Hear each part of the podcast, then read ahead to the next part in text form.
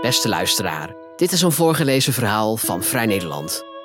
In de huidige ondergangsstemming is het niet zo gek dat iedereen opeens over ethiek en moraal begint. Over gedrag dat de mensheid naar de weg terug omhoog moet voeren. Goede bedoelingen zijn daarbij niet genoeg, zegt Maxime Februari. Hoofdredacteur Wart Wijndots leest voor.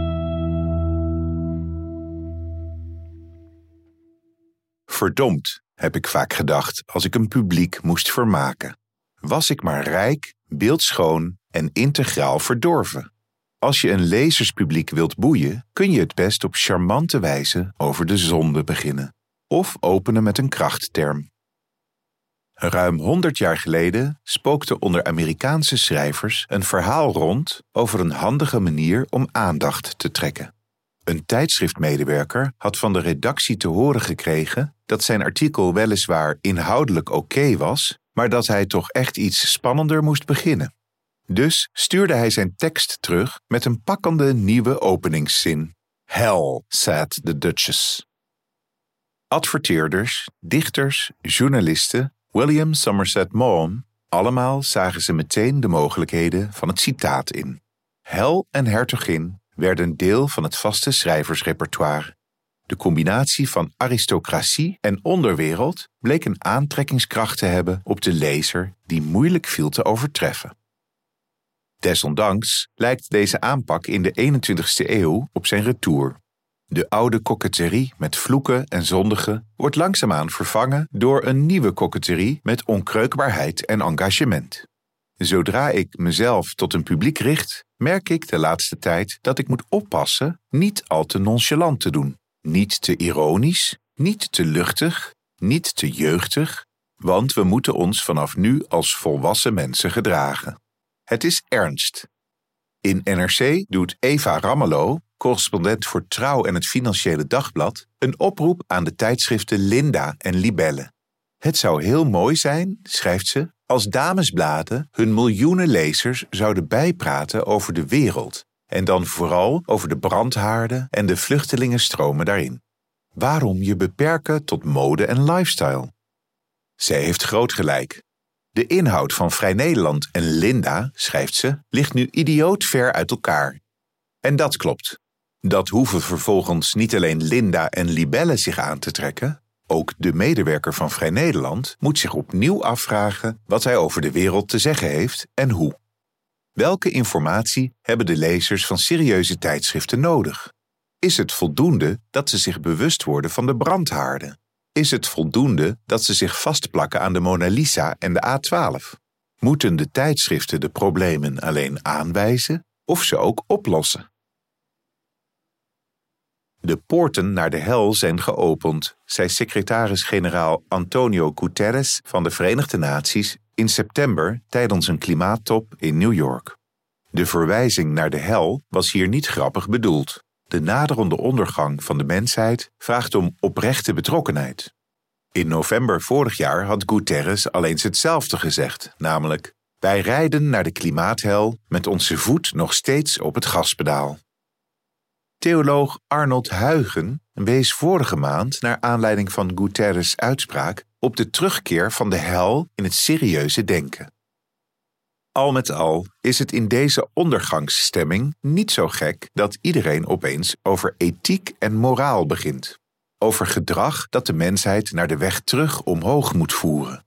Zeker op het gebied waarop ik me beweeg, dat van de nieuwe technologie, de datagestuurde besluitvorming met behulp van machines, wordt gezocht naar manieren om de hel te omzeilen. De voornaamste vraag daarbij is welke informatie nodig is om de weg opwaarts te vinden. Dezelfde informatie die lezers van serieuze tijdschriften mogen verwachten van schrijvers? En welke informatie is dat dan? Wat moet je weten om ellende niet alleen te beschrijven, maar ook op te lossen? Nu de wereldproblemen ons verstand te boven dreigen te gaan, is de verleiding groot machines vol te stoppen met onze normen en waarden en ze vervolgens alle complexe beslissingen over de wereld te laten nemen. Dan hoef je alleen nog maar te bedenken welke normen en waarden je precies in die machines moet stoppen. Helaas zijn we dan nog steeds niet van Antonio Guterres af. Want die waarschuwt niet alleen voor de klimaathel door gebruik van fossiele brandstoffen, hij waarschuwt ook voor catastrofale en oncontroleerbare risico's die gepaard gaan met het gebruik van AI. Dat vraagt om zorgvuldige keuzes bij inzet en gebruik ervan. Kortom, je kunt ingewikkelde normatieve beslissingen laten nemen door machines, maar dan moet je wel eerst ingewikkelde normatieve beslissingen nemen over de inzet van die machines. Omdat er dus veel valt uit te zoeken over de richting waarin wij als samenleving bewegen, komen afdelingen ethiek van grote bedrijven met ethische richtlijnen, bieden IT-bedrijven cursussen ethiek aan, ontwerpen overheden tools om morele vooroordelen uit algoritmes te zeven en bieden juridische consultancybureaus zich aan om ethics by design te regelen. Don't be evil, zeggen de congressen in navolging van Google. Overal buigt men zich over het goede.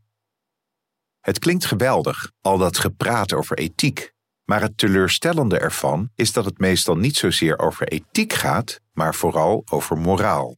Als je de codes leest en het aanbod bekijkt, valt op dat het denken zich zelfs nog verder versmalt tot een simpel pleidooi voor de deugd, voor onkreukbaarheid, integriteit. Het is maar helemaal de vraag of de ernst daarmee is gediend. Ethisch denken vergt intellectuele inspanning. Daarin verschilt ethiek van moraal. In een gesprek over moraal kan als het misgaat iets heel comfortabels sluipen. Want een moraal is een set van normen en waarden die je in een cultuur met elkaar deelt. De keuzes zijn gemaakt. Je bent het min of meer eens of op een overzichtelijke manier oneens. Je bent voor diversiteit en voor duurzaamheid en voor vrede. Je bent een bank en je belooft op je website te streven naar een betere wereld. Kan nooit kwaad. Je bent een bedrijf en je stuurt je leidinggevende op integriteitscursus. Altijd goed. De roep om onkreukbaarheid en betrokkenheid is in onzekere tijden helemaal aantrekkelijk. Ga maar na. Als tijdschriften en kranten hun lezers op integere wijze berichten over de brandhaarden, en als de lezers zich vervolgens uit engagement vastplakken aan de Mona Lisa, ben je samen al een heel eind gevorderd op de weg omhoog. Maar er treden complicaties op zodra er meer informatie binnenstroomt. Zo heeft de Europese Rekenkamer in september een rapport uitgebracht over de ontwikkeling van hernieuwbare offshore energie om de klimaat- en energiedoelstellingen van de EU te behalen. Hernieuwbare offshore energie in de EU, ambitieuze plannen voor groei, maar duurzaamheid blijft een uitdaging. Zo luidt de ingewikkelde titel van het rapport. Het begrip duurzaamheid blijkt in het gebruik lastiger te hanteren dan je op het eerste gezicht zou denken. Offshore energie draagt weliswaar bij aan duurzaamheidsplannen, maar kan schade opleveren aan het zeemilieu. Welke vorm van duurzaamheid moet je dan boven de andere verkiezen? De Rekenkamer schrijft: Maritieme ruimtelijke planning heeft de toewijzing van maritieme ruimte vergemakkelijkt, maar heeft conflicten over het gebruik ervan niet opgelost. Dit soort dilemma's ruim je niet uit de weg door simpelweg een goed mens te zijn of de juiste overtuigingen en standpunten te hebben. Je hebt er een ethisch afwegingskader voor nodig, ethische theorie, wetenschappelijke argumentaties en uiteindelijk normatief geladen morele keuzes. En dat zijn au fond politieke keuzes. Ethiek draait niet in de eerste plaats om integriteit, deugdzaamheid of moreel leiderschap, maar om het afwegen van argumenten voor juist handelen. Om onderzoek dat niet vanuit bepaalde morele overtuigingen vertrekt, maar die overtuigingen hardhandig bevraagt. Bevraag je je eigen argumentatie niet, dan gebeuren er ongelukken. Kennis van ethiek is doorgaans geen vaardigheid waar bankiers goede sier mee maken, zegt een docent van Said Business School in Oxford in het Financiële Dagblad. De docent legde uit: Binnen het traditionele financiële onderwijs is nauwelijks aandacht voor duurzaamheid, terwijl je beide nodig hebt: kennis van de financiële industrie en kennis van ESG. Die crossover is heel lastig te vinden. En jawel, je hebt kennis nodig van financiën en van ESG, Environmental, Social and Governance. Maar als je iets over ethiek wilt zeggen, heb je vooral kennis nodig van ethiek. De onderzoeksgroep Responsible IT aan de Hogeschool van Amsterdam heeft om die reden recent onderzoek gedaan naar het ethische begrip rechtvaardigheid dat door de machines wordt gehanteerd bij sollicitaties. Dat wil zeggen, bedrijven en overheden gebruiken in toenemende mate algoritmes om mensen te beoordelen in sollicitatieprocedures. Uiteraard willen de organisaties dat zo'n beoordeling rechtvaardig gebeurt en ze proberen zo nodig te debiasen, vooroordelen uit datasets te verwijderen. Maar de onderzoekers van de Hogeschool van Amsterdam hebben vastgesteld dat organisaties nogal diverse definities van rechtvaardigheid hanteren. Eigen definities die ze niet weten te onderbouwen of te expliciteren. Zo kunnen betrokkenen zelf vinden dat hun aanpak rechtvaardig is, maar het hoe en wat en waarom daarvan blijft in het ongewisse. Om het maar eens cru te zeggen, veel organisaties die braaf debiasen, doen maar wat. Omdat de begrippen niet helder zijn, komt er van een serieuze weging van rechtvaardigheid niet veel terecht. Het denken over rechtvaardige besluitvorming vraagt dus niet zozeer om moreel leiderschap of om de juiste standpunten, maar om kennis van ethische theorie. In het algemeen vraagt het nemen van normatief geladen beslissingen niet alleen om integere leiders, leiders met een geweten, een moreel bewustzijn of hoe dat ook allemaal mogen heten, het vraagt allereerst om ethische expertise.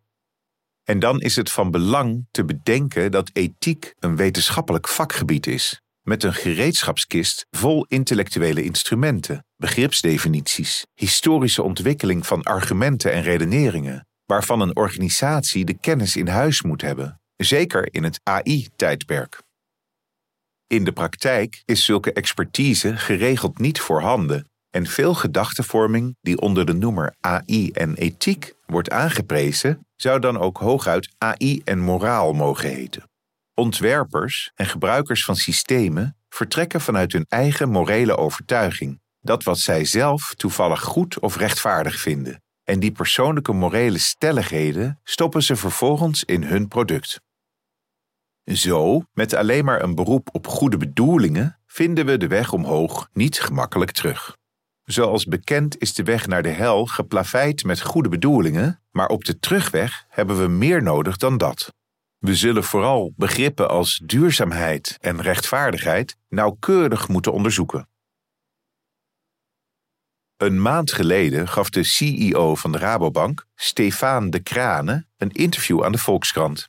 De kop luidde: Soms moet ik zeggen, jongens, we zijn wel een bank, geen NGO. Want de medewerkers van de bank zitten zonder uitzondering zo chockvol goede bedoelingen dat ze alle wereldproblemen tegelijk willen oplossen. En de voedseltransitie, en de energietransitie, en de armoedeproblematiek. En die arme meneer de Kranen moet daar dan maar greep op zien te krijgen. Kennelijk doet hij dat door erop te wijzen dat er grenzen zijn aan de verantwoordelijkheden van de bank.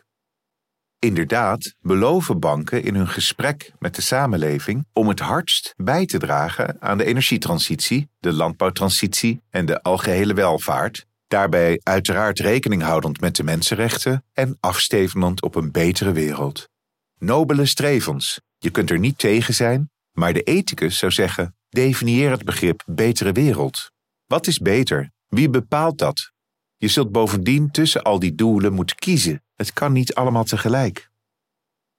Als we willen voorkomen in de klimaathel te belanden, zullen we niet alleen klimaatbeleid moeten formuleren, maar ook naar rechtvaardige verdeling moeten kijken. Anders gezegd, we moeten proberen de minst bedeelden niet de dupe te laten worden. In Duitsland kwam die discussie in de zomer duidelijk aan de oppervlakte. Het gerechtshof verbood een parlementaire stemming over een klimaatwet omdat die te snel was opgesteld en daarmee ondemocratisch was, waardoor niet alle belangen vanzelfsprekend werden gediend. Alles schuift, wringt en botst. En in een tijd van botsende, wringende en onverenigbare waarden en belangen biedt de computertechnologie de mogelijkheid grote hoeveelheden informatie op te halen en te verwerken. Maar het zal intussen duidelijk zijn dat besluitvorming met behulp van computertechnologie niet vraagt om het coderen van afzonderlijke waarden, menselijke moraal in een systeem stoppen, maar om het ontwerpen van een ethische theorie voor de systemen. Zorgen dat een afweging mogelijk wordt. Het zal intussen ook duidelijk zijn dat zoiets lastig is, zo niet onmogelijk, omdat je begrippen als duurzaamheid en rechtvaardigheid niet definitief kunt definiëren. We zagen al dat algoritmes op pad worden gestuurd met allerhande uiteenlopende definities van rechtvaardigheid bij het beoordelen van menselijk gedrag en dat je daardoor ongelukken krijgt. Je kunt dus wel een ethisch afwegingskader in een systeem willen stoppen, maar je kunt eigenlijk geen ethisch afwegingskader formuleren.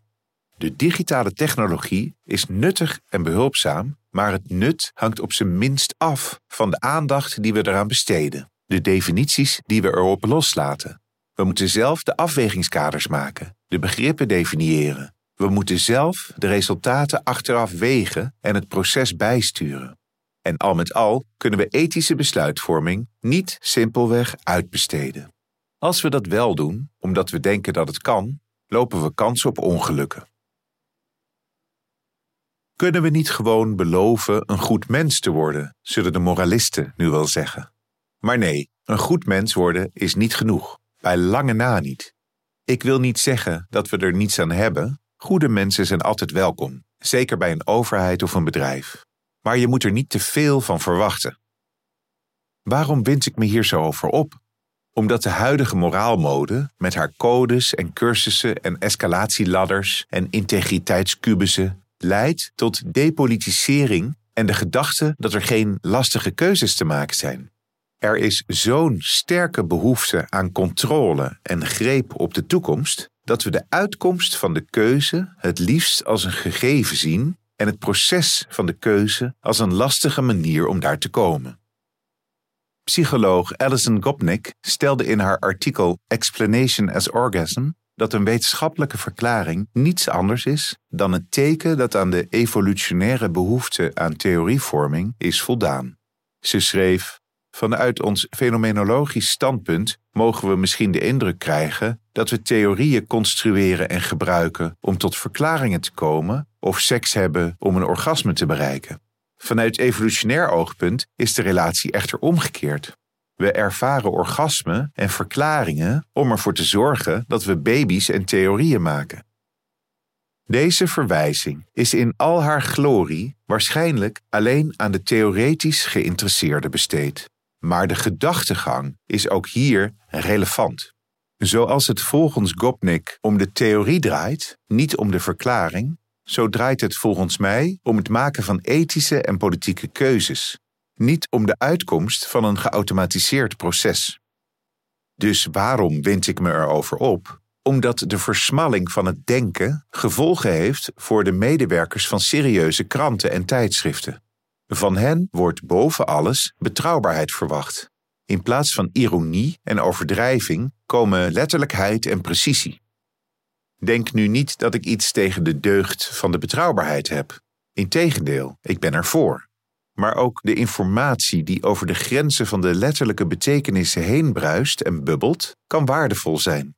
Er is een hoop terrein te winnen buiten de onwrikbare standpunten. Pleitbezorgers van ethiek merken vaak vertederd op dat die geen exacte wetenschap is. Pleitbezorgers van programmeerbare uitkomsten smalen dat ze zweverig is. De laatste groep heeft gelijk. En juist in dit opzicht van zweverigheid lijkt ethiek op exacte wetenschap. Omdat ze geen fundament heeft, je kunt er althans geen fundament voor aanwijzen in de werkelijkheid, lijkt ethiek te zweven. Maar onze kennis zweeft nu eenmaal. En dat geldt net zo goed voor kennis in de andere wetenschappen. Het is verkeerd, zei fysicus Niels Bohr, te denken dat het de taak van de fysica is uit te vinden hoe de natuur is. Fysica gaat erover wat we kunnen zeggen over de natuur. Bohr zei: Er bestaat geen kwantumwereld. Er bestaat alleen een abstracte kwantumfysische beschrijving. Ik haast me te zeggen dat dit een corrupt citaat is. De woorden worden steeds weer opnieuw aangehaald, maar Bohr heeft ze nooit opgeschreven. Het is van belang precies te zijn over die dingen. Zo belangrijk is betrouwbaarheid ook wel weer. Maar hoe corrupt het citaat ook mag zijn, de strekking ervan is des Boors. En het inzicht kan niet genoeg worden voorgehouden aan degenen die denken dat zweverigheid een verwijt is. Hoe meer informatie je betrekt bij besluitvorming, hoe meer je tot de conclusie komt dat er normatieve keuzes moeten worden gemaakt die je niet vooraf kunt vastleggen. Ethiek verwijst niet naar hoe de wereld is, maar naar hoe wij ermee omgaan. En dat ermee omgaan is op de weg omhoog bepaalt niet de onbelangrijkste van alle bezigheden.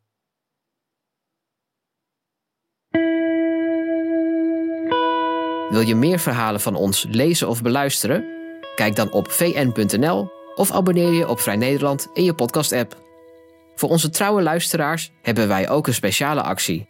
Een half jaar Vrij Nederland online voor maar 15 euro. Kijk voor de aanbieding en de voorwaarden op vn.nl/podcast. Bedankt voor het luisteren.